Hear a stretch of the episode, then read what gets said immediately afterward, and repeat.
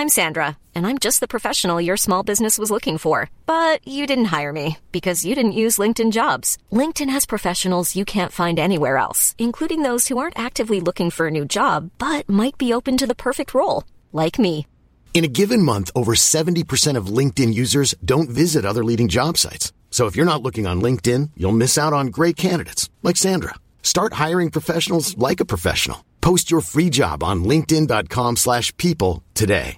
Hi, I'm Daniel, founder of Pretty Litter. Cats and cat owners deserve better than any old-fashioned litter. That's why I teamed up with scientists and veterinarians to create Pretty Litter. Its innovative crystal formula has superior odor control and weighs up to 80% less than clay litter. Pretty Litter even monitors health by changing colors to help detect early signs of potential illness. It's the world's smartest kitty litter.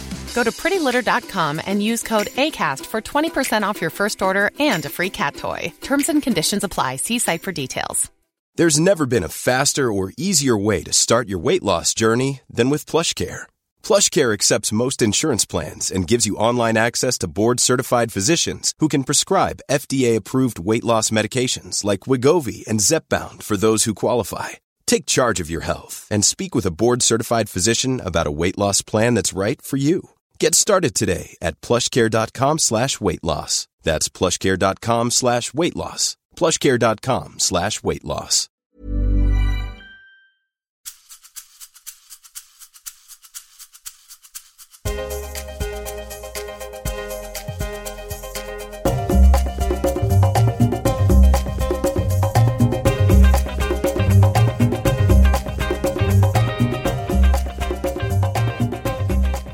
Hej och välkomna! Nu är det dags för ett nytt avsnitt av Karriärpodden. Den här gången träffar jag superproffsiga bloggaren Mikaela Forni. Som ju driver en av Sveriges allra största bloggar. Mikaela har gjort en raketkarriär inom sociala medier och har tills alldeles nyligen varit profile manager på Modern Women Media. Ett bolag inom mediekoncernen Stampen. Hon har, förutom att bloggat, eh, givit ut två böcker, haft en egen webb-tv-serie och är delägare i en välgörenhetsorganisation som heter Givsam. Ja, häftigt! Så häng med och, och lyssna och låt dig inspireras av henne du också. Jag vill först tacka mina samarbetspartners Blocket Jobb och Stepstone som är mötesplatserna för dig som vill utvecklas i din karriär. Och innan vi sätter igång så tänkte jag berätta vad jag också gör utanför Karriärpodden. Det är några som har undrat det nämligen. Och då kan jag berätta att jag sedan några månader tillbaka är vd på Kvadrat Management som är en del av Kvadratkoncernen. Ett livsstilsbolag för konsulter med visionen att få världens lyckligaste yrkesmänniskor. Men nog om det och om mig nu. Nu ska vi lyssna på Mikaela. Nu kör vi!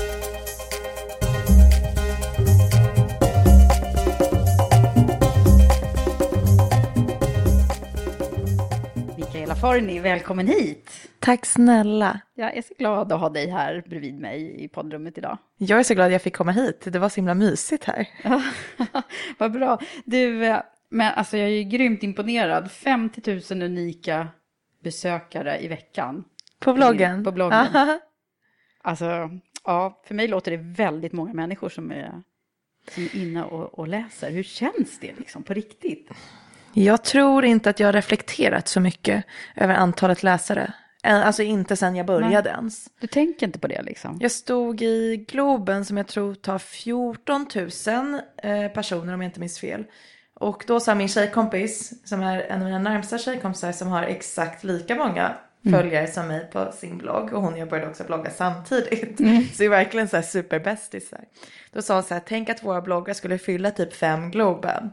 Och då tänkte jag så här, ja det är jäkligt coolt. Ja, det är Alltså, grymt. verkligen enskilda personer som är inne varje vecka. Så att ja, jag, är, jag tycker det känns jättehäftigt. Men jag tror inte att, om jag skulle tänka på det så tror jag att jag skulle bli lite rädd kanske. Ja, så det är bäst att bara köra på. Så du liksom går inte omkring och tänker på, oj, undrar om jag skriver det här nu, då är det liksom några av de här 50 000 som reagerar si eller så, eller? Lite så kan det ju vara eftersom att eh, faktiskt ju äldre jag blir desto mer eh, kritiska blir mina eh, kära bloggläsare. Vilket gör att jag nu måste kanske reflektera någon gång innan jag väljer att publicera saker. Vilket jag också tycker är väldigt tråkigt. Mm. Jag skulle Okej, gärna det bara försvinner skriva lite helt. spontanitet där. Ja, alltså. det försvinner lite spontanitet om du alltid måste tänka efter att hmm, hur kan det här uppfattas? Mm. Det finns alltid folk som kan missuppfatta eller tolka saker på sitt sätt. Men jag har också lärt mig att det spelar ingen roll vad jag än skriver och vem jag än är. Kommer det alltid att vara människor som tycker och tänker olika än mig. Mm, men man måste lära sig hantera det där kan jag tänka mig. Ja, det måste man ju absolut. Ja. Främst blir man ju jäkligt ledsen. När folk skriver, skriver massa taskiga saker till en hela Ja, tiden. ja. Det är då brukar jag försöka tänka att, ja men tänk Mikaela, det är 50 000 människor varje vecka som läser. Och nu är det 10 stycken som har skrivit taskiga saker. Mm. Precis. Av alla dem. Alla så det är andra. inte så farligt. Mm, så brukar jag liksom, då kanske jag tar upp den här stora siffran. Eh, Mm. Försöker- Men det, det är bra kanske att göra det då. Ja, för att kunna hantera att nej, alla hatar inte dig Mikaela.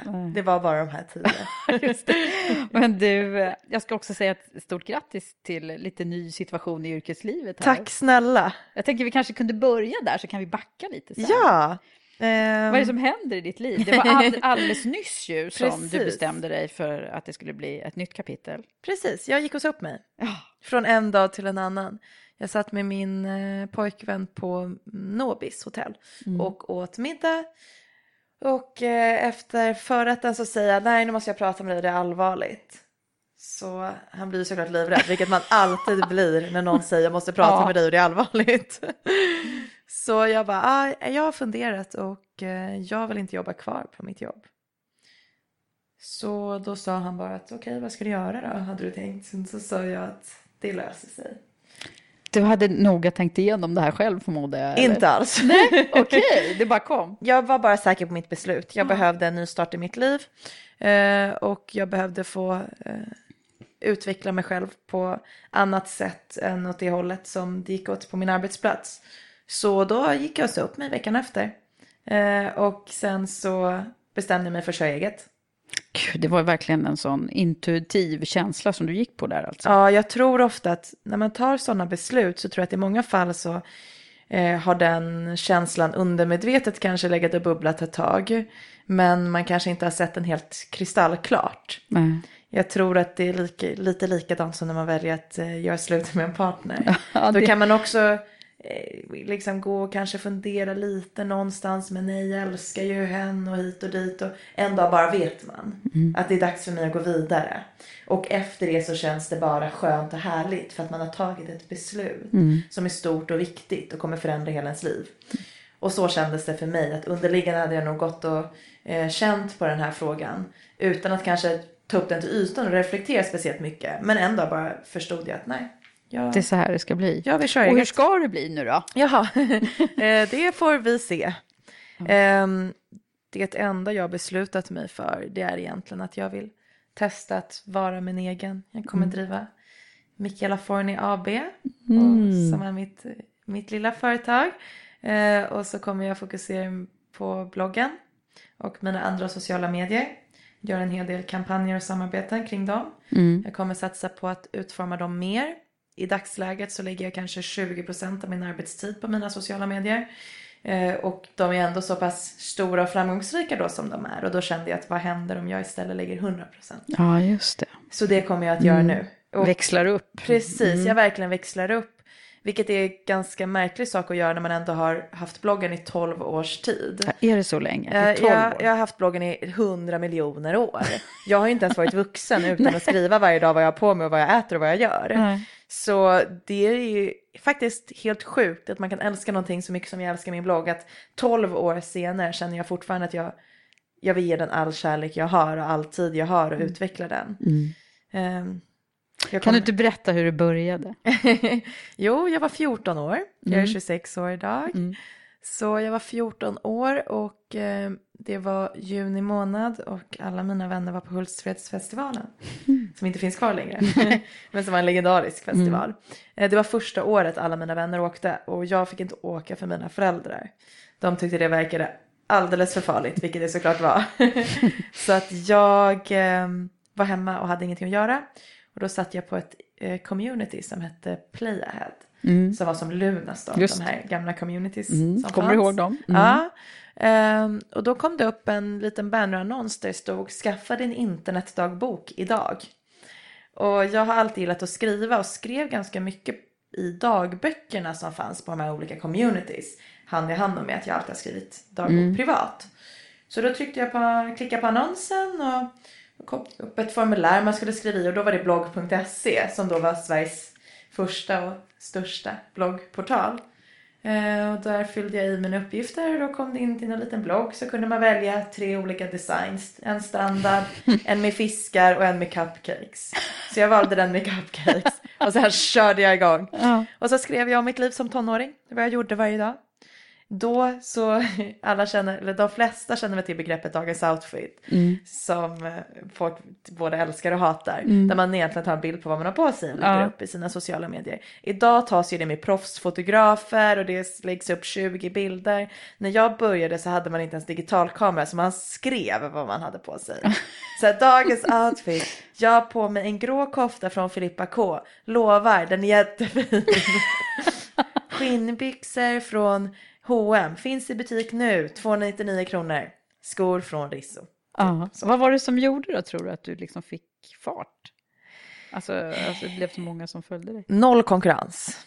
Ja, tidigt ute liksom. Ja, ehm, ganska snabbt så de, mina, de vänner jag hade på mina olika communities, eh, det var ju då riktiga kompisar som skolkamrater och sånt. De gick in då på min blogg när jag länkade den, den hette RAR, för att jag tyckte att jag var rar då. Ehm, så då gick de in på rar.blogg.se och så följde de mig där och de liksom fåtal hundra personerna räckte för att jag skulle komma på en topp 10 placering på blogg.se. Och hamnade jag på en topp 10 placering så Redan då? Ja, när alltså. folk blev nyfikna på blogg så gick man in på blogg.se eftersom det var den plats, plattformen som fanns. Och där så låg RAR. Och då klickade man sig in. Och eh, sen tror jag att jag, jag har alltid tyckt om att skriva för att även om det var lätt att få in besökare så handlar det också om att få dem att stanna kvar. Men jag har alltid gillat att skriva och tycker mycket mer om att uttrycka mig i skrift än att sitta och prata faktiskt. Ja, men det verkar gå jättebra det här också. jag babblar på så riktigt pratkoll, men jag gillar att prata också. Nej men, eh, och eh, därefter bara växte den. Mm. Så ja, jag har egentligen haft en av de största bloggarna. Så när du gick var- i skolan så höll du på med det här då? då Ja, hela tiden? Hela, eh, Jag gick då nian i högstadiet och sen så hela min gymnasietid så drev jag då bloggen parallellt med skolan. Mm. Så att när jag tog studenten så hade jag redan ett heltidsjobb, vilket var Ja. bloggen. Det var bloggen Mm. då alltså? Ja. Vad hände sen då? För sen har du ju jobbat på annat också. Sen, ja, sen blev det en jäkla resa. Jag eh, tog studenten och då bloggade jag. Då hoppade jag på, jag läste modevetenskap på Stockholms universitet som jag var väldigt intresserad av mode. Efter det fick jag jobb som moderedaktör på Nöjesguiden. Så då drev jag det parallellt med bloggen och samtidigt så tog jag frilansuppdrag. Då drev jag min, min enskilda firma. Och eh, i den då så eh, var jag nattklubbsvärdchef, drev lite olika nattklubbar. Jag DJade en hel del. Mm, har du gjort det också? Ja, jag DJade i fem år nästan eller något sånt. Det var skitkul. Flera gånger i veckan. Och sen så eh, gjorde jag allt ifrån designa skokollektion. Jag gjorde en tv-serie som heter Glamorama som gick på TV3 i två säsonger. En realityserie. Jag gästade en annan tv-serie som heter Klubben. Jag var med en del i radio. Eh, skrev mina första två böcker. Ehm, Ja, gisses vad du har hunnit med. Man sitter bara och gapar här. jag höll igång, ja, men jag körde några frilansår. Men sen tröttnade jag på det för det var inget roligt att inte ha ett jobb att gå till. Ehm, det blev ganska ensamt. Så då kom jag i kontakt med devote.se. Just det. Och det är Sveriges där största bloggportaler. Mm. Och började jobba där. Mm. Och det är där jag nu har varit i fem års tid. Mm. Det går Och fort. där har du haft en, en spännande resa under de här åren då, på Devote. Mm. Vad, hur har rollen, rollerna förändrats där då? Jag började, jag tycker det har varit så himla roligt att jobba där under de åren jag har jobbat där. För att jag började, det var ett litet bolag som var som en liten oslipad diamant. Det var tre anställda när jag kom in i bilden. Eh, 2011. Eh, så då var det Staffan Ekberg som var vd. Som har jobbat med olika internetbolag i många år. Och sen så var det eh, två tjejer till. En sälj och en projekt allt i allo person. Och så kom jag in som chefredaktör på deltidsanställning för det var, de, det var bara de resurserna de hade. Så jag flyttade min blogg dit och sen så jobbade jag som deltidsanställd redaktör så jag gick dit mellan nio och ett varje dag och så skrev jag en artikel om dagen. Ah, okay. Så så började det. Jag var ju chefredaktör men jag hade ju ingen redaktör under mig. Nej. Så att jag var ju redaktör liksom. det kan ju inte vara, alltså, ja, jag var ju chef över mig själv då. Ja, men du var ju redaktionen som du var chef över. Precis. Eh, Men jag tyckte att det var skitkul att jobba och vi var ett litet men extremt engagerat gäng. Jag tror att vi alla såg stor potential i Devote som bloggplattform och magasin.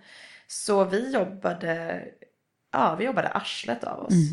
Och eh, efter ett par år så expanderade vi och så köpte Stampen då som äger Devote köpte upp Rodeo och i och med det så blev vi Stampen Fashion Media. vi hade Devote som var den kommersiella plattformen så hade vi Rodeo som var mer den smala modeplattformen. Och jag blev även befordrad till vice vd då för Stampen Fashion Media.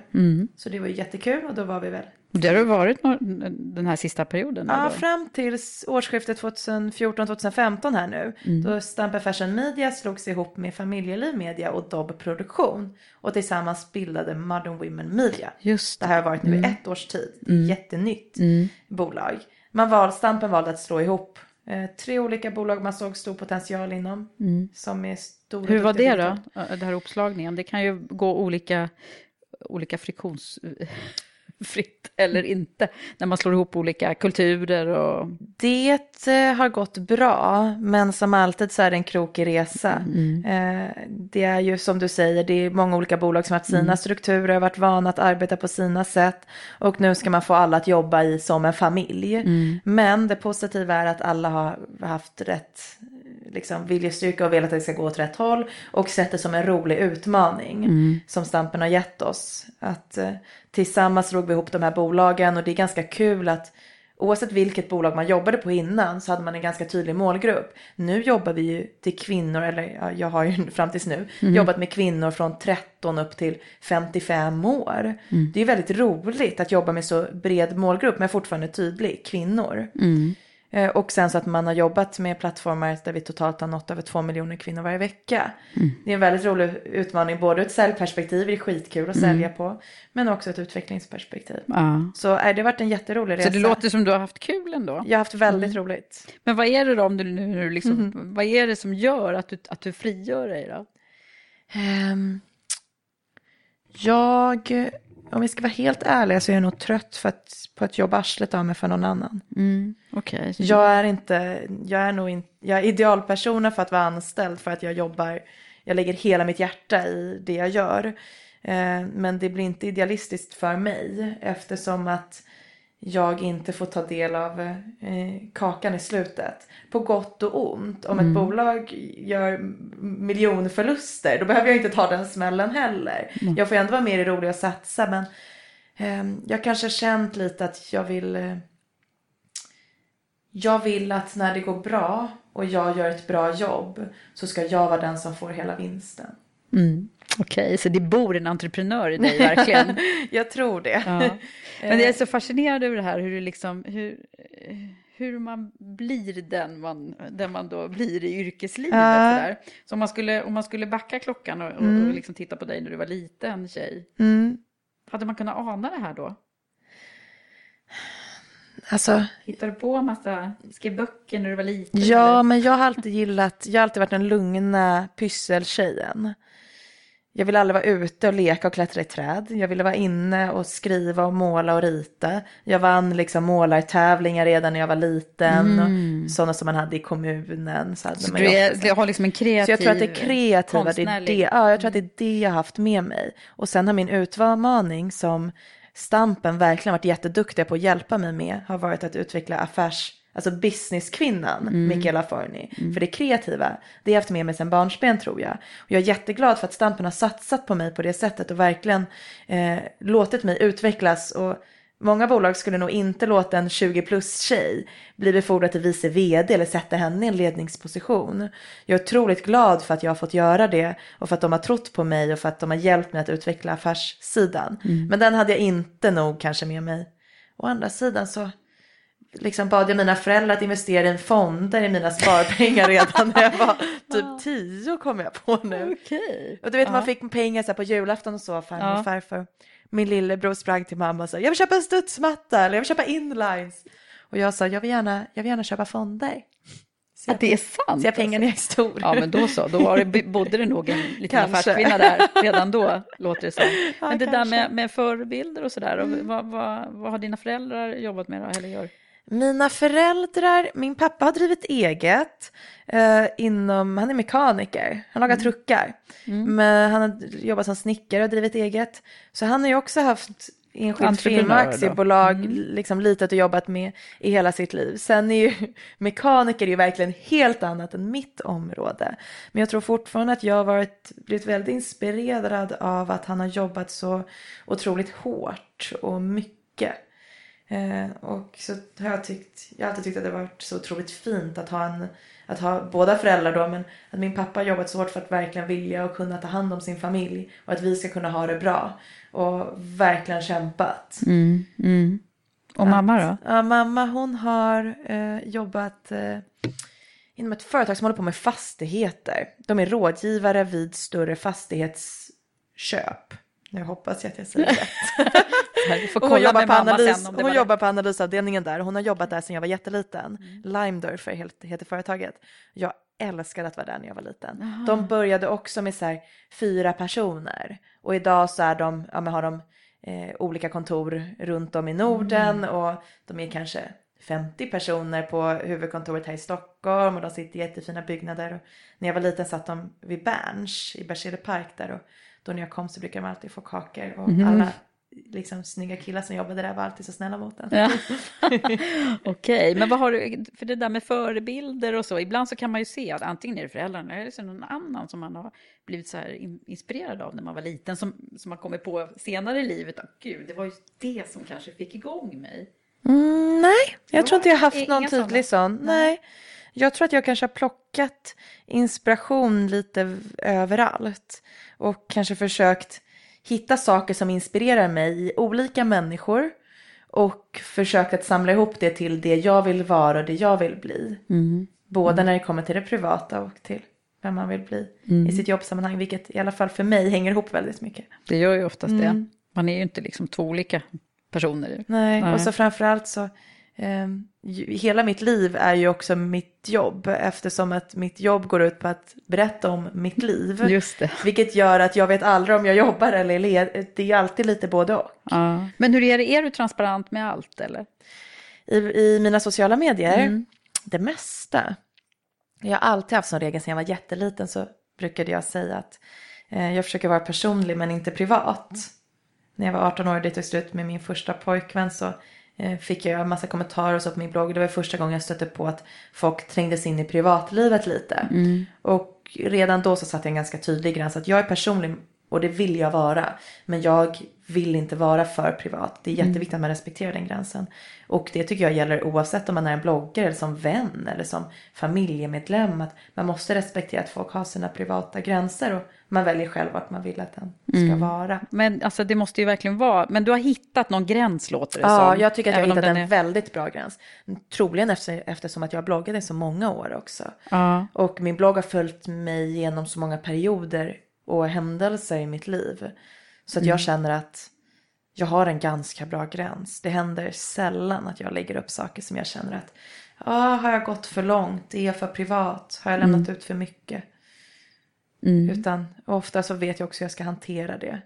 Det enda känsliga det är väl när det kanske berör saker i, en, folk i ens omgivning. ja, är det liksom människor runt omkring dig, familjen och så här, hur, hur hanterar de det här då? Tror att de är så otroligt vana. De har blivit vana. Ja, men mina föräldrar har ju följt min blogg sedan jag var 14 år. De har läst alla kommentarer, de har läst alla mina vänners bloggar, alla mina vänners Instagrams, alla mina vänners Twitterkonton. De har ju för, sett till att följa mig och mina vänner överallt. Och jag tror att det dels är intresse, vilket jag är glad för. Att de är intresserade av den bransch jag jobbar i. Eh, också av... Har de uppmuntrat dig? Ja, alltid. De har alltid låtit mig göra precis det som gör mig lycklig och som jag mår bra av. Och som jag tycker är kul. Och så tror jag att eftersom jag började när jag var 14 så det blir en beskyddande del i en som vill följa. Eh, och det tror jag fortfarande ligger i en idag. Det är väl klart att man som förälder, det är väl självklart att det gör ont i hjärtat när man går in på ens barns blogg och ser att någon har skrivit Fy fan jag är så jävla trött på dig, kan inte du bara gå och dö? Det är väl självklart man som förälder att det gör ont i hjärtat att någon skriver att ens barn borde dö. Ja, verkligen. Det det måste varit lite läskigt tänker jag för dina föräldrar i början innan de vande sig. Eller? Jag fick ju mina första så här, dödshot när jag var redan 15. Och då vet jag att då sa mina föräldrar att ska du verkligen fortsätta? Men de stöttade mig till 100% när jag valde att ta det beslutet att fortsätta. Men de har i alla fall, alltså det är klart att det är jobbigt. Men de har stöttat dig hela vägen. 100%.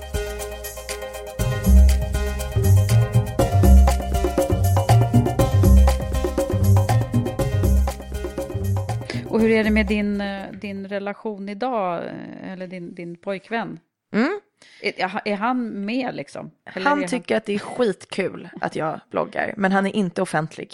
Nej, Han, han, han eh, syns inte? eller Nej, liksom. han är inte Nej. med på bild och så. Självklart om vi är på semester och tar en gruppbild så klipper jag ju inte bort hans ansikte. Då får han ju vara med. Men han är inte med i bloggen som, jag går inte ut med hans namn och person. Det är ju inte svårt att hitta vem han är om man vill det. Nej. Men eh, det började med att jag inte ville gå ut med vem jag var tillsammans med för jag hade gjort det innan och det blir jobbigt om det inte funkar.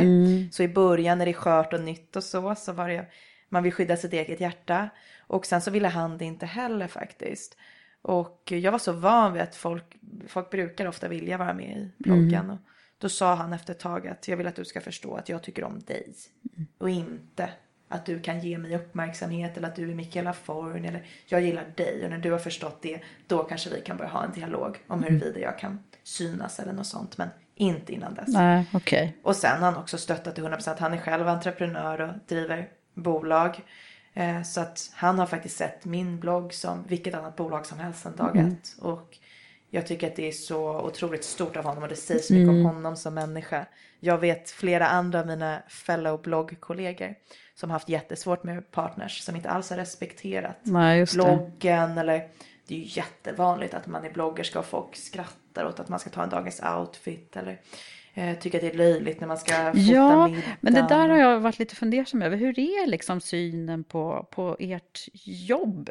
Ja, många tycker att det är löjligt. Ofta, alltså, det händer ju fortfarande regelbundet att folk säger att men vad gör du egentligen? Mm. Eller vad med, vad blogg, vad jobbar du med? Jag driver en blogg. Du tar kort på din kaffelatte hela dagen och äter någon cupcake till frukost. Eller jag förstår inte. Och jag tycker, mer att det, jag tycker att det säger mer om dem än om mig. Det är en sak om det handlar om okunskap om branschen. Där berättar jag jättegärna. Men vissa vill ju bara vara nedvärderande och ser Mm. inte det som seriösa bolag. Vilket Men det är så fortfarande, för jag tänkte snart kanske vi kommer det blir någon, mindre och mindre. mognad i det här. Det blir, liksom, min, det blir självklart mindre och mindre. När jag, I början där när jag var yngre, det var ju jättemycket. Jag fick ju jättemycket kritik. Och nu är det ju absolut i mindre skala, men det finns fortfarande de som tycker att det är löjligt. Och inte förstår att det är ett jobb som vilket jobb som helst. Men jag tänker nu när alla företag och alla liksom jobbar ju med sociala Mm. media och det har ju verkligen kommit upp liksom, på hög nivå i företaget att det här, det här, oj, vi måste nog hänga med här. Det är Jag klart. tänker på att det kanske är yrkesrollen i sig kanske också kommer att... Ja, när jag var 18 så fick jag min första heltidsanställning som bloggerska på Stureplan.se. Och då var det väldigt många som ifrågasatte det. Ehm, då, väldigt många frågar också frågan, vad tjänar du? Vilket är jättemärkligt för det frågar man aldrig någon annan. Men all, jag, jag vet inte hur ofta jag får frågan, men vad tjänar du? Nej, brukar du svara på det eller hur? Ibland. Ja. Jag, skäm, alltså, jag tycker inte man ska behöva skämmas. Men av respekt för mina olika arbetsgivare så vill man ju inte alltså, kanske prata allt för mycket om Nej. eh, vad, vad man tjänar. Men då fick jag ofta frågan att, men vad menar du, vad ska du göra egentligen? Ska du skriva dag, ska du försörja dig på att skriva dagbok? Och fan vad löjligt. Och, ja, men, eh, allt ifrån jag haft vänner som inte har kunnat respektera att man har drivit en blogg och inte velat umgås med en och sådana saker. Och eh, det roliga är att nu, liksom många år senare, så är ju många av de här som har kommit och vill synas i bloggen. Eller vill göra samarbeten och marknadsföra sig i min kanal. För att de förstår att den är väldigt stark. Men jag är väldigt eh, eh, noggrann med vilka samarbeten jag väljer ut. Men det måste, jag tänker också så här, det måste väcka en hel del kunna väcka en del avundsjuka. Alltså sådana som tittar på ditt liv och liksom känner åh du ser så bra ut och du väljer snygga grejer och du liksom verkar leva det här fantastiska livet då som man kanske kan tro. Men, men, men eh, alltså jag tänker vad dina kompisar, dina gamla vänner och så här, har alla bara hejat på dig eller finns det någonstans som det också ibland kan bli den här avundsjukan? Jag tror det är, jätte, jag tror det är ganska många som inte har hejat på. Um, och som ofta när man är lite, lite offentlig som jag är. Så de flesta snackar ju inte kanske skit direkt till ditt ansikte. För att så länge du eventuellt kan ge folk något så är de snälla mot dig. Mm. Fram tills den dag de inte har någon nytta av din karriär. Då är de inte snälla mot dig längre. Så att de flesta tror jag snackar ganska mycket skit bakom min rygg och sånt. Mm. Och jag har gjort mig av med jättemånga vänner. Ja, det är så. Ja. Jättemånga. Mm. Mm. Jag, jag känner verkligen inte att jag har något intresse av att umgås med människor som ja, men inte tycker om, ja, men när man känner att de kanske inte tycker om mig. Mm. Och att om jag inte hade haft bloggen så är jag inte säker på om de hade velat vara kompis med mig eller tillsammans med mm. mig eller eh, vad det nu kan vara. Så att det är klart att jag har gjort mig av med kompisar men jag tror också att mm. alla människor Alltså, det är naturligt att man gör sig av med kompisar för att du också går igenom olika perioder i ditt liv. Ja, och du vill ha vänner som är på samma mm. stadie. Men är jag faktiskt en av mina bästa vänner är Petra Tungården som är modechef på Metro. Mm. Det var henne som jag pratade om innan också som mm. har en, en, stor blogg och så. Och hon och jag har ju gått i samma fotspår så vi har ju respekterat varandra eftersom vi har ju verkligen eh, gått i vår karriär sida vid sida vilket har varit väldigt roligt. Mm. Att ha en kompis som, vi har varit vänner sedan vi var 10-11 år. Och så har vi gått genom, sida vid sida genom våra karriärer och det är jättekul. Annars så har jag faktiskt bara en vän till som jag har haft som sedan barndomen. Ja. ja. Och annars är det nya vänner alla. Jo men det är klart att det är en ny yrkesroll mm. också. Mm. Eller som har växt, eller jag tycker att den är ny. Men ja. du, du, har hållit på med det länge nu. Men jag menar det är ändå liksom. det är ändå en ny bransch, det en är ny det. bransch. Mm. Eh, och det kanske är just den där uh, okunskapen om att folk inte fattar. Precis. Uh, businessen heller mm. i det, att det både är business och det här ja. att det blir privat. Ja, men jag har inga problem med att berätta för folk. Om ja. jag märker att folk inte har så bra koll på den här branschen så jag har inga problem med att prata och eh, förklara hur den fungerar och hur man tjänar pengar och hur det mm. går till. Men of, ofta händer det att det ligger någon sorts sarkastisk underton eller att man ironiserar eller lite driver med en. Och det är ju bara jättelöjligt för jag driver ju inte med andra människor och deras jobb oavsett vad de har för något. Nej. Det... Vad tror du det är som har gjort att du har blivit så liksom, framgångsrik då i din, din, liksom, i din personlighet om man skulle titta lite mer på det? Jag tror att det är för att jag är så himla öppen. Ja. Jag eh, jag, försö- jag har aldrig försökt att vara någonting som jag inte är i den jag varit i, mina, i min offentlighet. Utan jag har satsat på att folk får tycka om mig för att jag är jag. Och antingen så funkar det eller så gör det inte det. Och jag mm. tror att det är det som folk har tyckt om. Mm. Att komma in, att komma in, att läsa en blogg, det är lite som att hälsa på någon. Så tycker i alla fall jag att det känns som. Så folk väljer att komma och hälsa på inne hos mig på forny.se och så ska man liksom säga hej snabbt. Och då vill jag att folk ska känna att jag är deras vän. Och inte att jag eh, bara är ett ytligt magasin. Nej, just det. Det är, så här, mm. det är skillnad på det är många bloggare som annars kanske är ja. lite mer så här fina Många kanske vill vara som en Vogue. Mm. Liksom. Mm. Medan jag kanske hellre vill vara eh, som en personlig krönikör. Mm. Just det. Ja, jag bara älskar, jag sa ju det till dig innan, jag bara älskar din reklam, den där, eller din reklam, Sydsam-reklamen var det. Ja, om få, länge lever fåfängan. Ja, den är underbar. För där kan man se liksom att okej, okay, du, du är sådär snygg, men du kan också känna dig lite rufsig i håret när du vaknar liksom. Ja, men så är det så, ja jag är sådär snygg, jag har en proffs makeup-artist som mm. liksom sminkat mig tre timmar innan på morgonen. Ja. Och sånt måste man ju också, jag lägger ofta upp, jag skriver ju ofta när jag är så perfekt sminkad och så att gud vilken lyx det är att få vara Alltså alla kan se ut som Hollywoodstjärnor med rätta knep. Mm. Alla. Mm. Jag lovar. Okej, kan du alltså, göra om mig också? Eh, alla, och det är också så himla viktigt att veta. Sen, jag vet ju jättemycket bloggerskor och sånt som har massa retuscheringsappar och hit och dit. Jag själv använder ingenting sånt eftersom jag satsar som sagt var på det personliga. Ah. Men det är ju så här, man måste ju komma ihåg att det där är ju bara ett ytligt skal. Mm. de flesta människor ser ut som vanliga människor. Men du, hur mycket tid, om man liksom tittar på det här jobbet Mm. som att driva en, en framgångsrik blogg, vad, vad är det man gör egentligen förutom att man liksom jobbar med innehållet i den? Ja, ur ett kreativt perspektiv så har man ju bloggen med sig hela tiden i hela ens liv. Eh, Jag tror att är du en seriös bloggerska på, bloggar på en hög nivå så har ju du ju eh, det med dig i allt du gör. Är det här tillräckligt bra för min blogg? Skulle jag kunna göra någonting av det här? Skulle det här kunna bli ett blogginlägg? Fotar, antecknar, skriver med. Du har ju den med dig hela tiden. Man kan ju bli jättebesviken om man får det är precis som Sunsan-reklamen, att får man in en ful maträtt när man har gått ut och käkat så kan man känna att fan, ja det tappade jag i ett blogginlägg. Hade det varit en fin maträtt och dessutom god hade jag kunnat, hade jag kunnat skriva om det här. Eller eh, vad det nu kan vara. Men sen så går ju att ha en blogg, det går ju också mycket ut på att man gör ju mycket samarbeten och kampanjer med olika typer av företag som är synas i ens kanaler. Just det, så hur mycket Mm. tid lägger man på det då? Det beror på hur mycket samarbete och kampanjer man gör, men det är ganska mycket tid. Eh, Mm. Så nu- det är mycket sälj liksom, Ja. i, i det jobbet? Vissa egentligen. personer väljer att ha en eh, säljorganisation Mm. som hjälper en. Vissa personer väljer att vara säljare själva.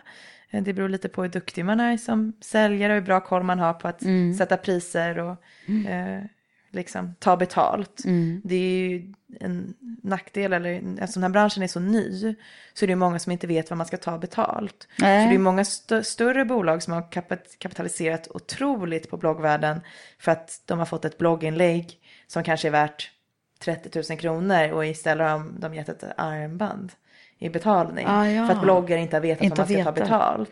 Och jag tror att vi är i en period. Hur lärde du dig det här då?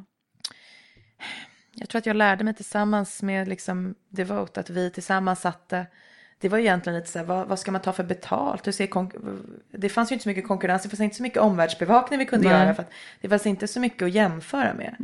Så att jag tror att de, flest, de få bolagen som har jobbat i den här branschen har fått fråga lite varandra. Vad ska man sätta för priser? Vad kostar det här? Vad kostar en helsida annons i en tidning i den här storleken? Ska man ta samma betalt för inlägg? Hur värdefulla är det? Hur mycket ska man? Och sen jobbar ju alla olika. Vissa kanske vill sätta lägre priser och eh, göra fler saker. Jag själv väljer att göra färre samarbeten men som jag tycker om. Och det blir också exklusivare för kunden att synas då i mina kanaler eftersom det är Ja, just det. begränsat Vil, vilka har du just nu? Eh, Just nu har jag en stor kampanj med Eurocard Platinum. Där jag upplever Eurocards eh, Platinumkort. Eh, kreditkort har ju ofta en åldersgräns på typ 55 år och män. Eh, så att de försöker väl hitta lite nya områden. Ah, ja, så Och de jag vill komma åt kvinnorna är lite yngre. ung- unga kvinnor som är på väg in i liksom deras karriär. Ehm, och jag tycker sådana samarbeten är väldigt roliga. Eh, speciellt också när det har varit, ja, hur kul är det, så här, kreditkort och så har det bara varit 55-åriga män som använder dem. Mm. Nej, då tycker jag att det är ganska roligt och det passar den karriärsnischen jag har på min Mm. blogg. Eh, och sen så har jag en, nu inför julen, en eh, julkampanj med Rituals. Det här eh, hudvårdsmärket som är väldigt harmoniska. De är också doftljus Okej. och handkrämer och sånt som är väldigt lyxiga. Där det handlar om att man ska uppmärksamma en hjälte i ens liv. Och eh, överallt jag får tillfälle att uppmärksamma min mamma så gör jag det. Så hon får en Ja, liten... och då får, fick hon också i den här kampanjen så får hon också den här, eh, den här fina julklappen från Ritz och som var väldigt lyxig och fin. ja. Då tänkte jag att då blir min mamma glad också. Mm, Så det passade väldigt bra i min Ja. blogg också. Ja. Ja, men jag förstår, det, det är mycket tid som läggs på det där Mm. också. Eh, men du lägger också din tid, har jag läst mig till, på välgörenhetsarbete. Ja, Ja, Mm. kan du berätta? jag är delägare i ett eh, välgörenhetsprojekt som heter Givesome. Ehm, jag har jobbat en del med välgörenhet i ganska många år. Men i små skalor främst donerat så mycket som jag känner att jag kan och vill. Ehm, och ja, för Hey, it's Danny Pellegrino from Everything Iconic. Ready to upgrade your style game without blowing your budget? Check out Quince. They've got all the good stuff shirts and polos, activewear, and fine leather goods, all at 50 to 80% less than other high end brands. And the best part? They're all about safe, ethical, and responsible manufacturing. Get that luxury vibe without the luxury price tag. Hit up quince.com slash upgrade for free shipping and 365 day returns on your next order. That's quince.com slash upgrade. Hiring for your small business? If you're not looking for professionals on LinkedIn, you're looking in the wrong place. That's like looking for your car keys in a fish tank. LinkedIn helps you hire professionals you can't find anywhere else, even those who aren't actively searching for a new job but might be open to the perfect role. In a given month, over 70% of LinkedIn users don't even visit other leading job sites. So start looking in the right place. With LinkedIn, you can hire professionals like a professional. Post your free job on linkedin.com slash people today. Millions of people have lost weight with personalized plans from Noom. Like Evan, who can't stand salads and still lost 50 pounds. Salads generally for most people are the easy button, right? For me, that wasn't an option. I never really was a salad guy. That's just not who I am. But Noom worked for me. Get your personalized plan today at Noom.com. Real Noom user compensated to provide their story. In four weeks, the typical Noom user can expect to lose one to two pounds per week. Individual results may vary. Wow. Nice. Yeah. What you're hearing are the sounds of people everywhere putting on Bombas socks, underwear, and t-shirts made from absurdly soft materials that feel like plush clouds. Yeah, that plush. And the best part? For every item you purchase, Bombas donates another to someone facing homelessness. Bombas. Big comfort for everyone. Go to bombas.com slash ACAST and use code ACAST for 20% off your first purchase. That's bombas.com slash ACAST. Code ACAST. Hey there, it's Michelle Norris. I'm host of a podcast called Your Mama's Kitchen. When I travel, I'm usually looking for a way to find a taste of home when I'm not at home. And one of the things I love to do when I am at home is entertain. And Airbnb allows me to do that. When I was in California recently, I rented a house that had a great kitchen. And when we were sitting around the table, we we're all thinking, we're in someone else's house. Someone could be in all of our homes as well. If you have a home, but you're not always at home, you have an Airbnb. Your home might be worth more than you think. Find out how much at airbnb.com slash host. Försöker att ha på något sätt välgörenhet i åtanke. För mig har det alltid varit väldigt viktigt att alla gör någonting. Tyvärr är välgörenhetsbranschen ganska hierarkistisk och lite, eh, lite pretentiös. Att du får bara vara med i välgörenhetsvärlden om du gör allt. Det är mm. ganska vanligt att om, eh, om du väljer att bara donera, om du bara köper rosa bandet, bandet varje år. Så kommer de som är coolare och duktiga på välgörenhet att säga att men gud kan du inte ens jobba lite på Stadsmissionen på julafton eller? Eller så här, men gud, du bryr dig inte om miljön, åk inte så mycket flyg, ah, ja. cykla ah. överallt, ha ingen bil. Mm. Men för mig handlar det om att inom välgörenhet så får alla välja sina hjärtefrågor och jobba inom dem. Mm, och just det, och det är det det här Givsam eh, gör då? Givsam eh, kom upp med när jag satt och pratade om det här med en vän och vi också fick reda på att eh, först vid 35 års ålder börjar folk donera pengar och engagera sig i mm. välgörenhet. Då ville vi hitta vägar för att man ska kunna börja donera redan i ung ålder. Och då kom vi på Givesum som öppnar Så det är du som ligger bakom det liksom? Egentligen var det eh, min goda vän Lin Kowalska som är vd i bolaget som, mm. och som grundare som okay. kom och pitchade in den här grundidén som vi sedan mm. har utvecklat tillsammans. Mm. Så det handlar egentligen om att ja, men, man ska vilja ge eh, man ska kunna ge små summor till välgörenhet och det är också okej. Okay. Mm. Och så har ni knutit an till de här större aktörerna? Precis, istället för att vara en egen organisation så mm. jobbar vi med 10-15 största organisationerna i världen.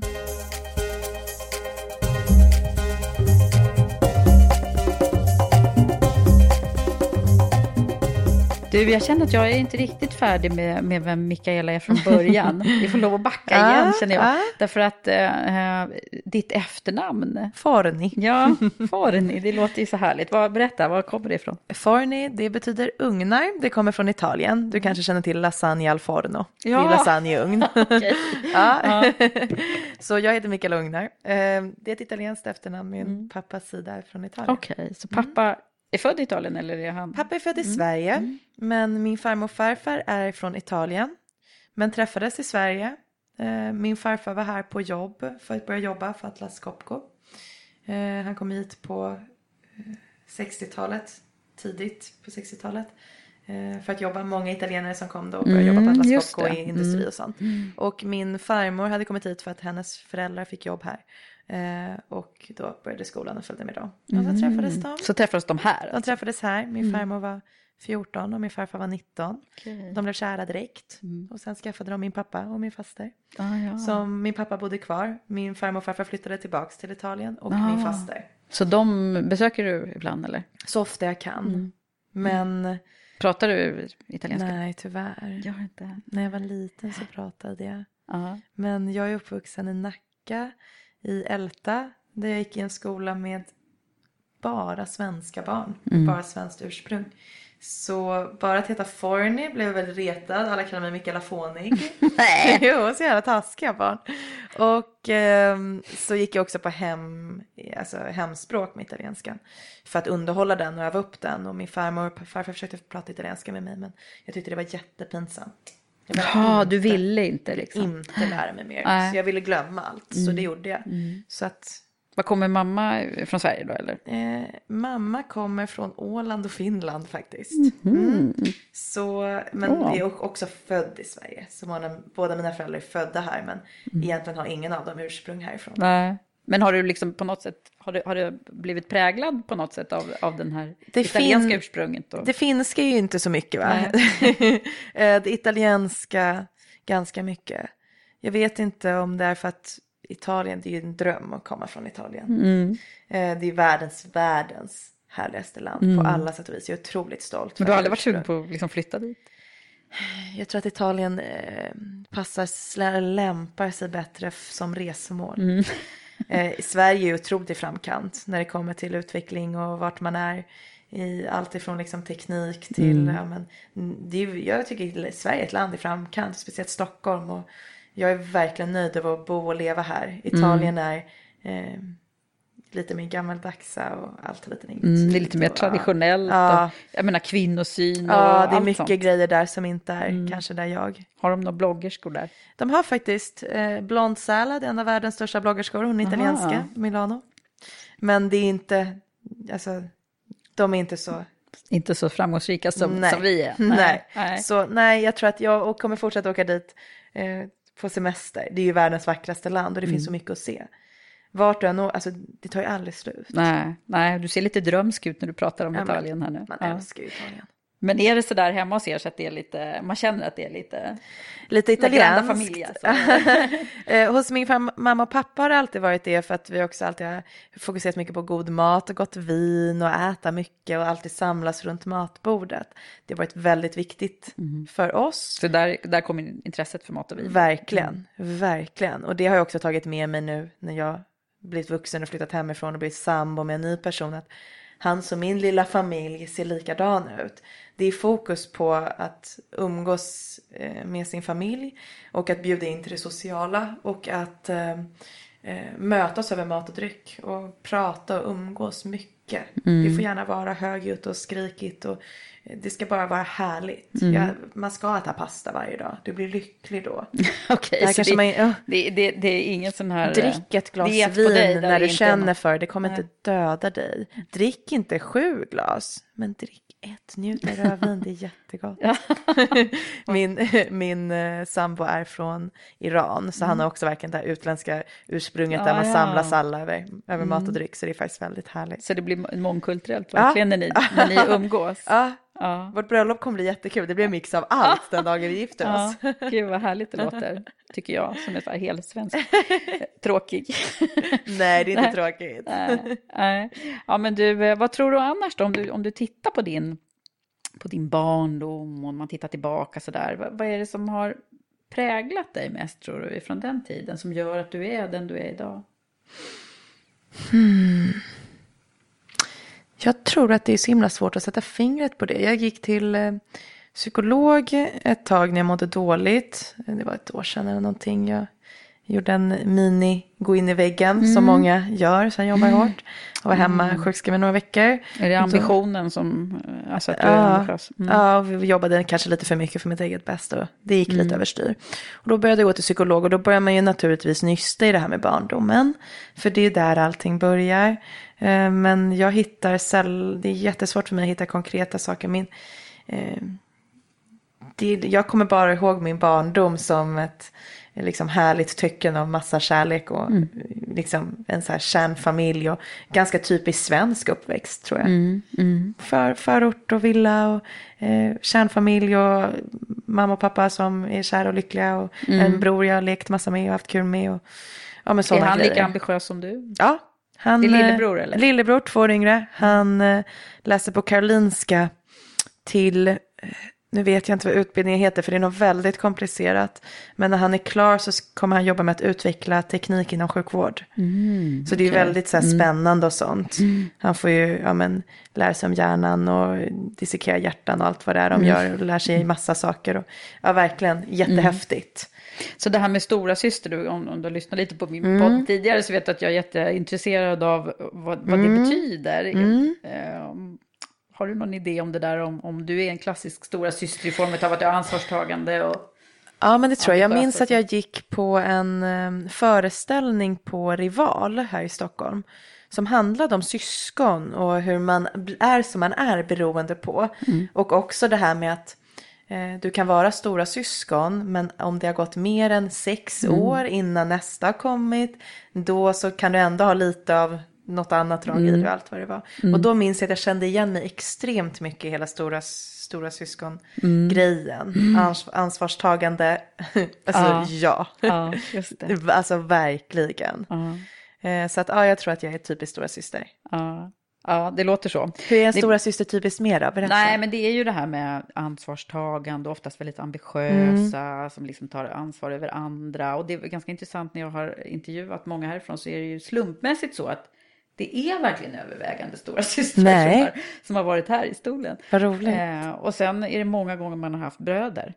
Mhm. Och det är ju också lite så här, okej, är det för att man ska tampas med, med Ja. killarna i yrkeslivet Ja. sen då, som, som det också blir framgång? Ja, det? kanske. Vad intressant. Ja. Sen har du skrivit böcker också. Ja. Om kärlek. Ja. Hur kommer det sig då? Mycket kärleksböcker. Eh, Det började när jag eh, bröt upp med min första långa kärlek. Då började jag skriva om det i bloggen. Och det gav jättebra gensvar. Alla uppskattade det jättemycket. Naturligt så finns det ju liksom folk där ute som får sina hjärtan krossade. Nu och nu och nu och nu och nu och varje sekund. Mm. Och ofta kan man känna att man känner sig som ensammast i hela världen.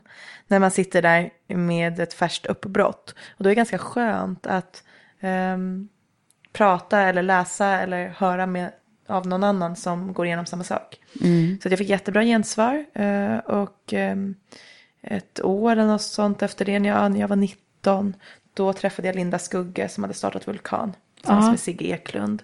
Mm. Och då sa hon, ska vi inte ge ut dina kärlekstexter i en samlad bok som en modern diktsamling?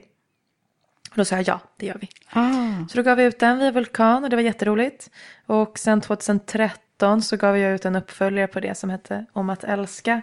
Som också var då samlade texter kring kärlek. Okej. Mm. Och nästa bok, när kommer den? Nästa bok kommer hösten 2016. Ah. Eh, Så jag håller på att skriva på den nu. Är det Och, samma tema eller? Mm, den kommer handla om ångest. Mm. Mm. Mitt arbetsnamn är Ångestboken, men det låter ju jävligt deppigt. Vad bra, det, det låter som det är någonting som du delvis bearbetar själv också. Då. Precis, Mm. och ofta så är ju, i alla fall för mig, den bästa terapin Mm. att skriva om saker. Eh, Så att jag bearbetar det ju samtidigt som jag skriver boken, vilket jag tror gör boken ganska intressant. Jag har märkt att det finns extremt många kvinnor i olika åldrar där ute som lever med mycket ångest, prestationsångest. Mm. Och det är liksom det vanligaste. Du har bara ångest över att du ska vara perfekt på alla olika nivåer oavsett om du är förälder eller i din karriär eller Mm. vad det nu kan handla om. Ehm, och du vet inte hur du ska hantera din ångest och det pratas inte heller så mycket om ångest. Eh, och det är också lite oklart vad ångest är. Och alla de sakerna Ah, vad bra berättar jag du ut i den, här blogg, i den här boken. Jag menar, du, du sitter ju också med en, eh, liksom, en position där du Mm. kan nå ut väldigt mycket till Precis. de här som kanske är extra i farozonen känner jag. Precis. Nej men Ja. verkligen så här, ofta, folk kan ju gå hela sitt liv utan att försöka på något sätt inse vad som är viktigt i Mm. livet. Och eh, det här är väl en bok som på något sätt öppnar upp för att så här, vem är jag, vad vill jag vara, vad är värt i mitt liv, vad ska jag prioritera, Eh, varför får jag ångest? Vad är det jag får ångest av? Behöver jag få den ångesten? Eh, på något sätt slå ihop liksom så personliga texter med så här självhjälpsböcker med en egen dagbok och så får du på något sätt den här boken. Ja, Hoppas just det. jag. Jag ska Ja. skriva klart den först. Ja. det låter som ett bra upplägg tycker jag. Verkligen. Jag försöker skriva en bok jag själv hade behövt. Ja, precis. Vad bra, för det är ju jättemånga tjejer just i, i, i din ålder, som, eller innan egentligen, den, den åldern du nästan har passerat, Ja. som, som oftast hamnar i det där också. Att man, att man blir vuxen och så ska man lyckas på alla plan samtidigt på något sätt.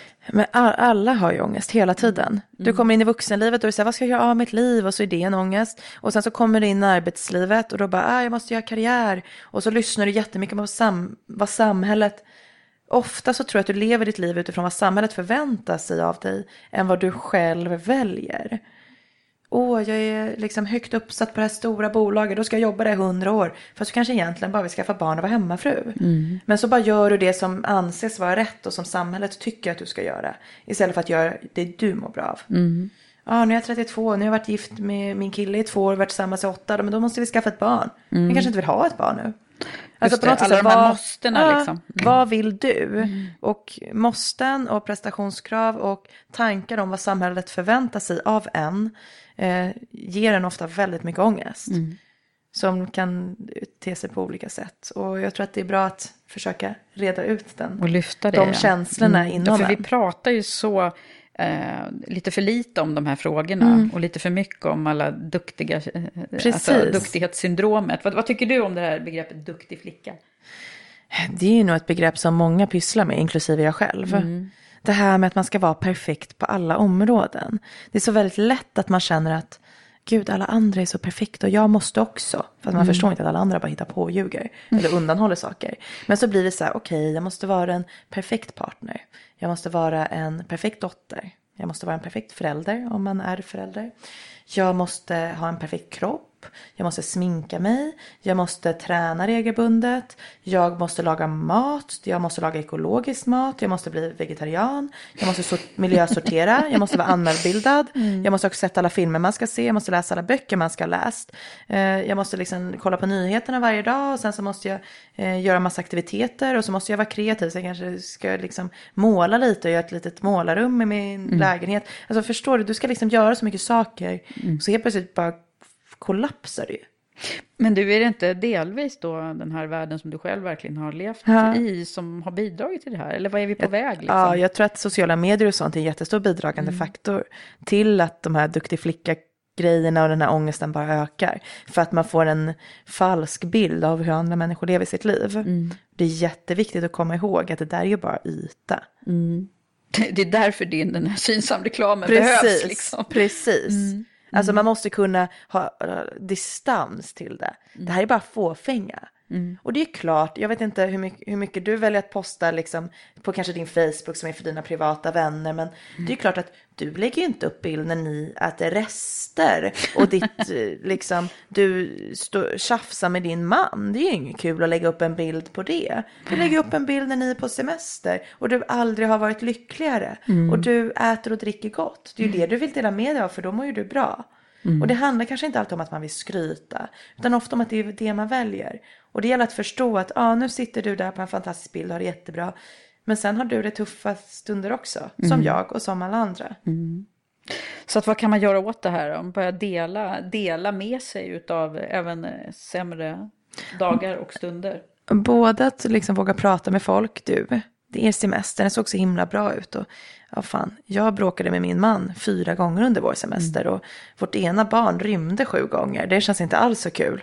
Um, hade ni verkligen så perfekt? För då kanske du faktiskt, om man frågar ärligt så kan man ofta få ett ärligt svar tillbaka. Och det kan vara ganska skönt att känna att man inte är ensam. Och sen tror jag också att det handlar jättemycket om att du måste börja inifrån dig själv. Så här, men okej, ehm, behöver jag känna så här, behöver jag må så här, behöver jag tro på allt jag ser? Eh, behöver jag vara perfekt? Nej. Nej. Okej, men du, eh, det låter ju som det här med att du håller på, du också bearbetar en hel del Mm. själv där. Eh, Men om man skulle titta på stunder då under din, jag tänker på det här med karriär, begreppet karriär, för du Mm. har ju verkligen gjort en raketkarriär kan man ju konstatera. Mm. Vad, vad är det för stunder som du har känt så här, wow, eh, världen är, är med mig och jag, när det går så här riktigt bra? Mm, när jag hållit båda mina böcker i handen första gången. Obeskrivlig känsla. Jag vet inte men. Mm. Det jag, blir liksom ett kvitto eller så här. jag, jag vet inte, jag, jag tänker så här, om det är ännu bättre än så här att hålla ett sitt eget barn i handen, Mm. då måste det vara jättehärligt, för jag tror att det här känns likadant. jag luktar på den här boken när den kommer, jag vet, jag, vet, jag blir alldeles till mig när bara jag tänker på det. Det är det bästa, bästa, bästa som finns. Det är den bästa känslan i världen. Det har varit sån otroliga, mäktiga stund att jag har skrivit böcker. Det var en Här annan grej än, än första blogginlägget. Ja, det var liksom så otroligt stort och mäktigt. Jag har alltid drömt om att få skriva en bok och så får jag göra det. Och som någon dessutom vill läsa. Och eh, sen så när jag blev befordrad 2012 från chefredaktör till vice vd. Som då var jag 22 eller 23 år. Det var också jättestort för mig. Då kände jag verkligen att det var verkligen en eh,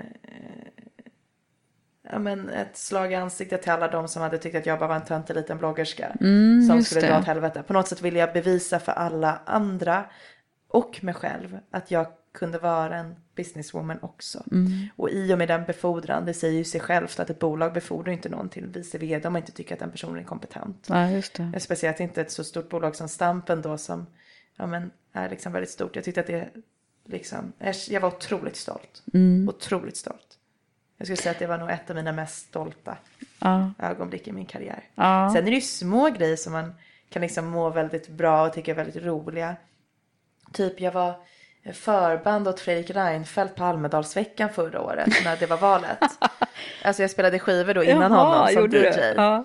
Eh, det var också en sån stund jag stod och tyckte att så här, men shit, vad, vad hände med mig i mitt liv? Mm. Hur hamnade jag på scenen framför 10 000 människor och SVT som sänder live och är förband åt Fredrik Reinfeldt som sen ska hålla sitt viktigaste tal för året en månad innan det är dags för val.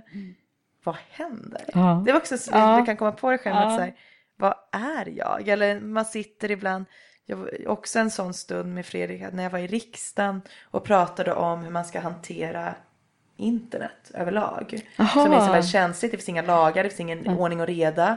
Ehm, Det är jättesvårt att veta hur man ska hantera eh, saker som anmäls för saker som hänt på internet. Hot eller liksom vad det nu kan vara. Och då bjöd riksdagen in mig och tre eller fyra personer till för att komma och prata om det här. Och då var det Beatrice Ask och sen var det Fredrik Reinfeldt som var med. Och vi satt och pratade och sen deras va, assistenter eller vad det var. Och det var också en sån stund jag kom på mig själv med att sitter jag i riksdagen och Fredrik Reinfeldt lyssnar på vad jag har att säga. Ja, vad coolt. Herregud, det blir inte coolare. Nej. Då liksom gick jag ut, gick runt hörnet och sen liksom ställde jag mig och hoppade och skrek för mig Mm. själv. Och bara, det här är så coolt! Det här är så coolt! Det här är så jäkla coolt! Ja, gud vad härligt. Så det är ju sådana grejer också som verkligen ger en kicken till att vilja fortsätta jobba mer och utvecklas och bara liksom göra den här Mm. Så där karriären. får du också kraft och energi. Otrolig. Ja. Alltså ett sånt liksom, ja, nej, jag tycker det är så otroligt kul. Jag tycker också man ska få bli jätteglad när man gör roliga saker i sin karriär, i sitt jobb. Vad man glädjas åt det, liksom. Ja, man måste få glädjas åt sina egna framgångar. Om jag tycker att jag är bra kan jag få säga det. Ja, absolut. Det tycker jag får. I Karriärpodden får du definitivt det. Men du, om man skulle tänka på när, när det är stunder som har varit som allra tuffast då, om vi liksom vänder på medaljongen. När, när har det varit som jobbigast för dig då? i min, eh, mitt liksom arbetsliv som ändå då går lite hand i hand så precis innan jag började, på Devote så kände jag mig väldigt ensam som jag tror det är jättelätt hänt när man är egenföretagare och liksom jobbar som frilans, frilansare. Jag hade bara mig själv och jag kände att det började göra mig deprimerad. Att alla andra fick gå och tillhöra no- någonting om dagarna och jag inte gjorde det. Eh, Jag kände att jag liksom, nej, jag- jag, jag började verkligen bli deprimerad. Jag insåg själv att jag måste ta mig ur det här för mitt eget bästa. Och kände liksom när jag började på Devote att när vi hade vår första fredagsfika så näst, alltså, jag gick därifrån och jag, jag blev så glad så jag hade tårar i Mm. ögonen för jag hade fått vara med på en fredagsfika. Det var så härligt att få ha kollegor och kompisar. Mm. Och jag hade saknat otroligt mycket, jag hade känt mig väldigt ensam. Jag hade också flyttat hemifrån ett par år tidigare. Och så lite liksom förhållanden som inte hade gått som planerat. Och jag kände mig verkligen så här liten skör. Mm. Och så här, jag vill tillhöra något. Ja, det är så viktigt Och då fick jag Mm. tillhöra det här och man ska verkligen inte underskatta Nej. jobb. Nej. Och få ha en anställning och få liksom Mm. vara välkommen någonstans och jobba med team. Mm. Det är fantastiskt. Jag vet att jag njöt till och med nu när jag började jobba Ja. på Kvadrat att, eh, att åka, liksom åka till jobbet, Ja. sådär, sitta bland alla andra Ja. på tunnelbanan. Så här, ja, nu är jag på väg till mitt jobb. Ja. Då hade jag också varit egen lite för länge. Precis. Så att, eh, ja, men det, det är verkligen, det finns ju ett begrepp som heter KASAM, jag vet inte om du har talas om det. Känslan av sammanhang. Ja. Eh, Det, alltså det, ja, jag ska inte ta det, blir en historiebeskrivning, men det, det, det är ett begrepp som man har forskat i, att liksom, det är så betydelsefullt för Ja. människor att liksom känna den här tillhörigheten. Tillhörighet är jätteviktigt och det insåg jag verkligen och det fick mig verkligen att uppskatta. Varje dag har jag gått till jobbet och uppskattat och känt en tacksamhet för att jag får vara där och för att de vill ha mig. Men då, då är det ju spännande nu. Ja, och det är också så här. F- Först var jag så här, nej men jag ska inte gå och bli egen. Kommer du ihåg Mikaela hur Ja. dåligt du mådde då, där i slutet och så. Men å andra sidan så har man ju vänt lite på det och efter fem år så har jag kommit på mig själv att jag har nog inte mått så bra på min arbetsplats senaste månaderna. ehm, av olika anledningar och därför har jag känt att men då kanske det är dags att göra tvärtom igen då. Mm. Och sen kanske det går några år, sen kanske jag tar en ny anställning trots någon annanstans. Och, mm, jag, jag vet inte, man kanske får göra lite både och i sitt liv. Mm. Men just nu så ser jag väldigt mycket fram emot att vara i fred. Jag tror att jag behöver det. Ja, men ibland behöver man Mm. liksom, och det var någon som sa till mig, eh, när jag också har, jag har ju Mm. också gått in Ja, och gjort, eh, Mm. egen och anställning och så. Och eh, då var det någon som sa att ibland måste man också stänga Ja. en dörr för att kunna öppna en ny. Precis. Alltså, och den Ja. tycker jag är så klockren, Ja. för att så var det för mig i alla fall, att jag var tvungen att liksom stänga igen den där för att något nytt skulle öppna sig. Ja, och inte vara rädd för det och eh, våga lita på att man är duktig och att det kommer lösa Mm. sig. Mm. Att istället för att hoppa på en ny anställning och sånt. För mig handlade det inte om att jag ville ha en ny anställning på något konkurrerande bolag eller så. Det handlade om att jag ville vara i fred. Ja, precis. Jag ville bara ha mitt, mitt egna lilla Ja. tag. Och sen när man Och sen har du ju att man... massa spännande samarbeten. Ja, och och, så, sen när man känner att man mår dåligt över det, men då kan man hitta på något nytt. Mm. Låter jättebra det där, tycker jag. Jag Jag får se hur det går, men det, det känns roligt. Ja.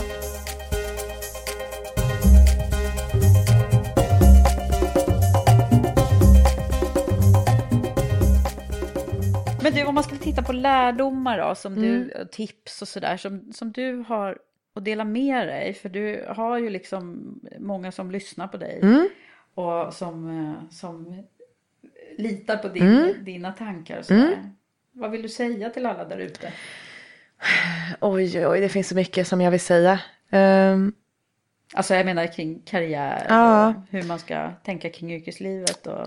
Mm, det finns ju liksom några tips som jag tycker om att ha mig med och som jag tycker är vik- viktiga. Dels är det att man måste kunna lära sig hantera kritik. Men inte ta någon skit. Och det, kan vara Mm. jätte, det kan vara jättesvårt att veta skillnaden. Men det är Mm. jätteviktigt att lära sig den skillnaden.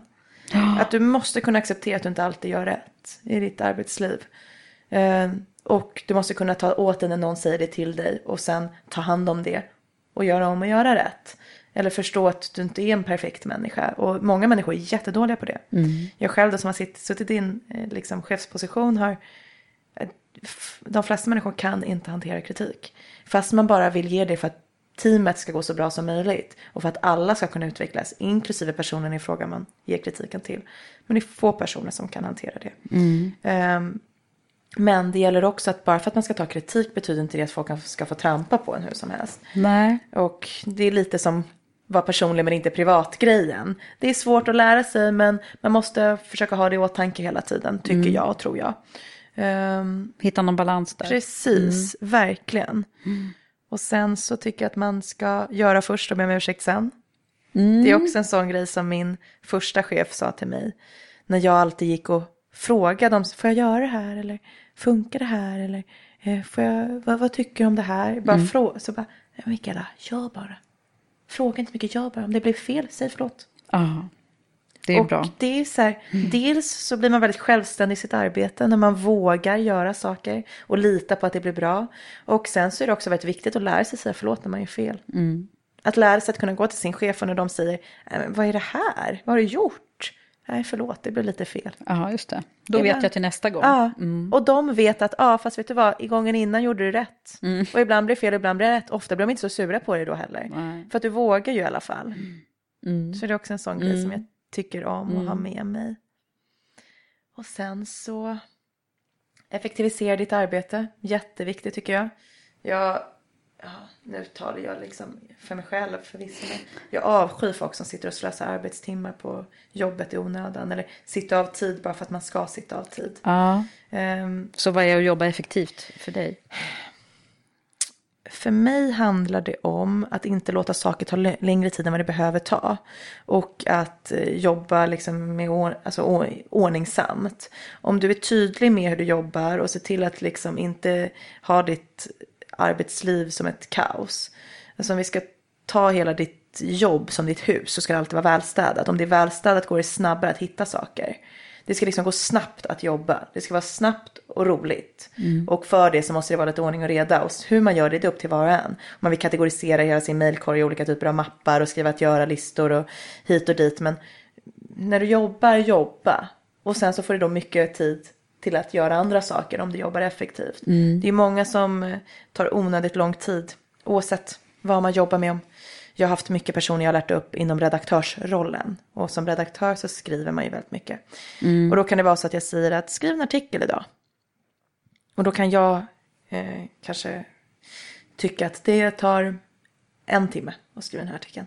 Men så för någon annan person kanske det tar tre timmar. För att man vill hitta rätt artikel och man slösurfar och man letar inspiration och det tar ett tag. Och det gäller att veta när du ska sluta leta efter någonting bättre. Ja, just När du ska tycka att det räcker och det är bra. Om du ska göra allt i ditt jobb perfekt, då kommer du aldrig bli klar med någonting.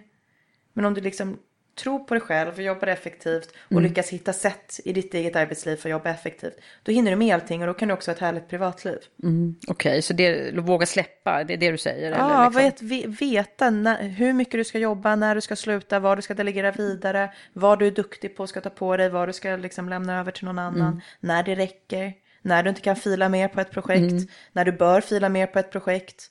Eh, vad liksom... Det är lite good enough det där. Ja, alltså, nu, ja. nu, är det, nu är det tillräckligt bra, Ja. nu, nu kör jag vidare. Mm. Jag tycker att, jag tror att i... Men är inte det där lite personlighetsläggning också? En del vill liksom vara så jätte, jättenoggranna Jo, men jag tror att det är så vanligt att människor, speciellt i Stockholm, så är det ganska coolt att jobba mycket.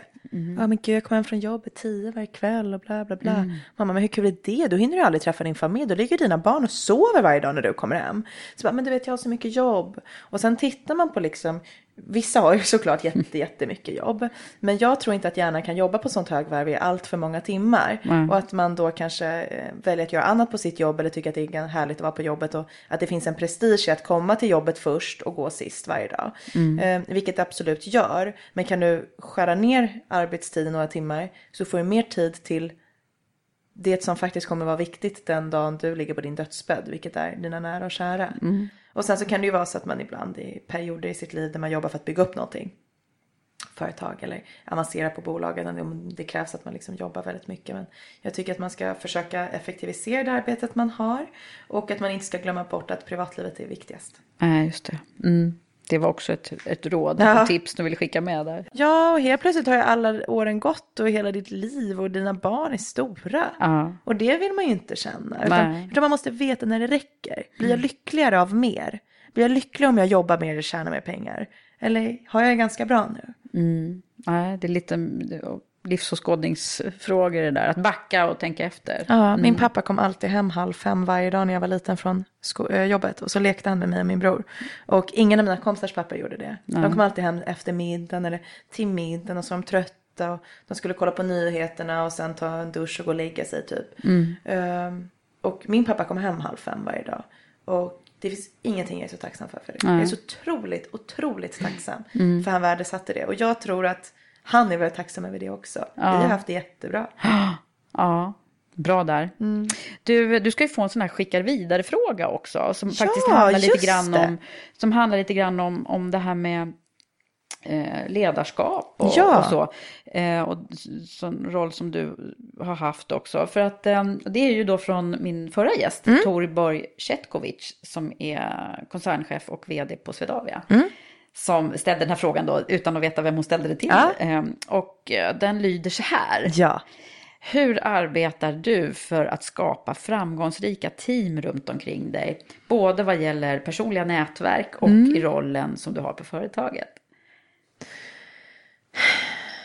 Oj, oj, oj. Person, både personliga nätverk och i min roll. Jag tror att jag har jobbat ganska lika på de båda sidorna. Och jag tror att det handlar jättemycket om att eh, bygga kompletteringar. Personer som kan komplettera varandra.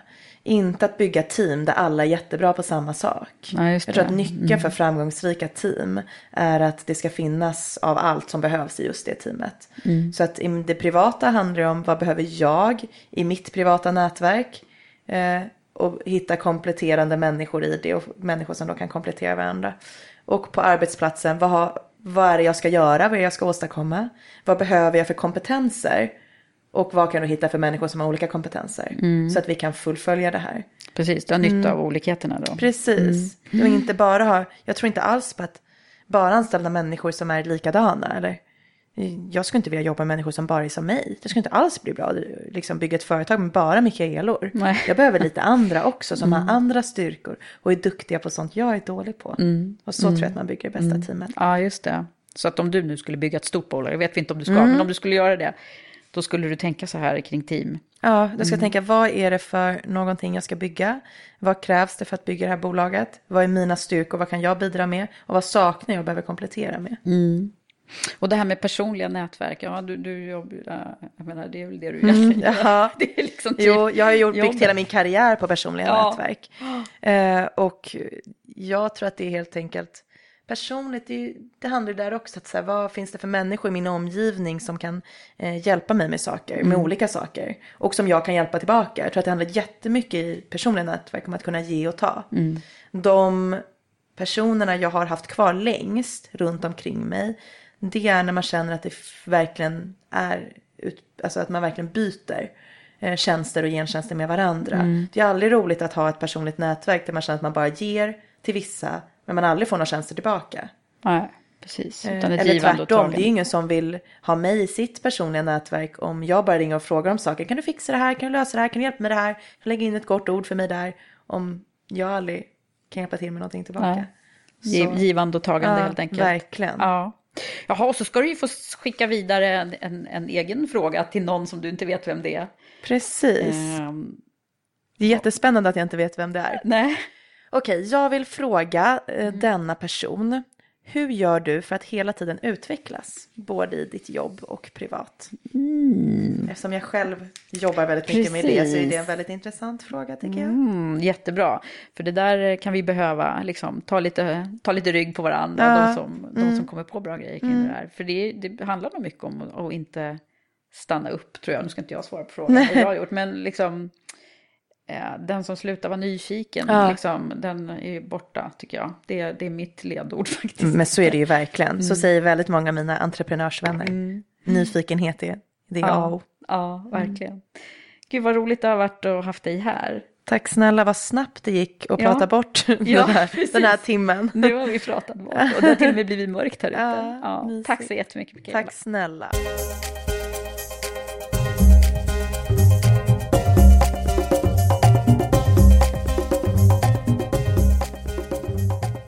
Nu så här efter vårt samtal så är det två ord som verkligen kommer till mig. Och det är modig och mogen. Tänk vad bra det är att hon är transparent med att livet innebär både bra men också svåra stunder. Att det faktiskt är okej att känna att man inte är på topp, även man, om man till det yttre verkar vara perfekt och leva det perfekta livet. Intressant också att höra hur den här nya yrkesrollen har växt fram och vilken stark kanal det är. Och visst är hon klok.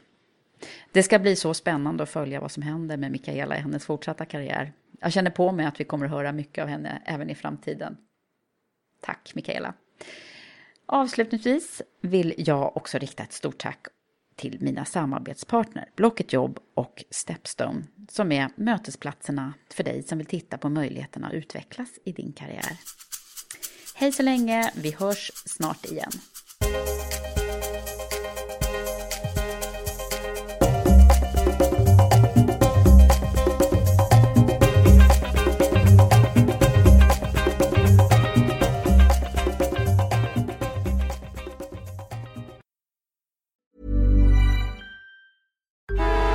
Traffic jams, tailgating, pileups. Ugh, the joys of driving. How could it get worse? The federal government wants to have a say in what you drive. That's right. The Biden administration's EPA is pushing mandates that would ban two out of every three vehicles on the road today. Don't let Washington become your backseat driver. Protect the freedom of driving your way. Visit EnergyCitizens.org. Paid for by the American Petroleum Institute.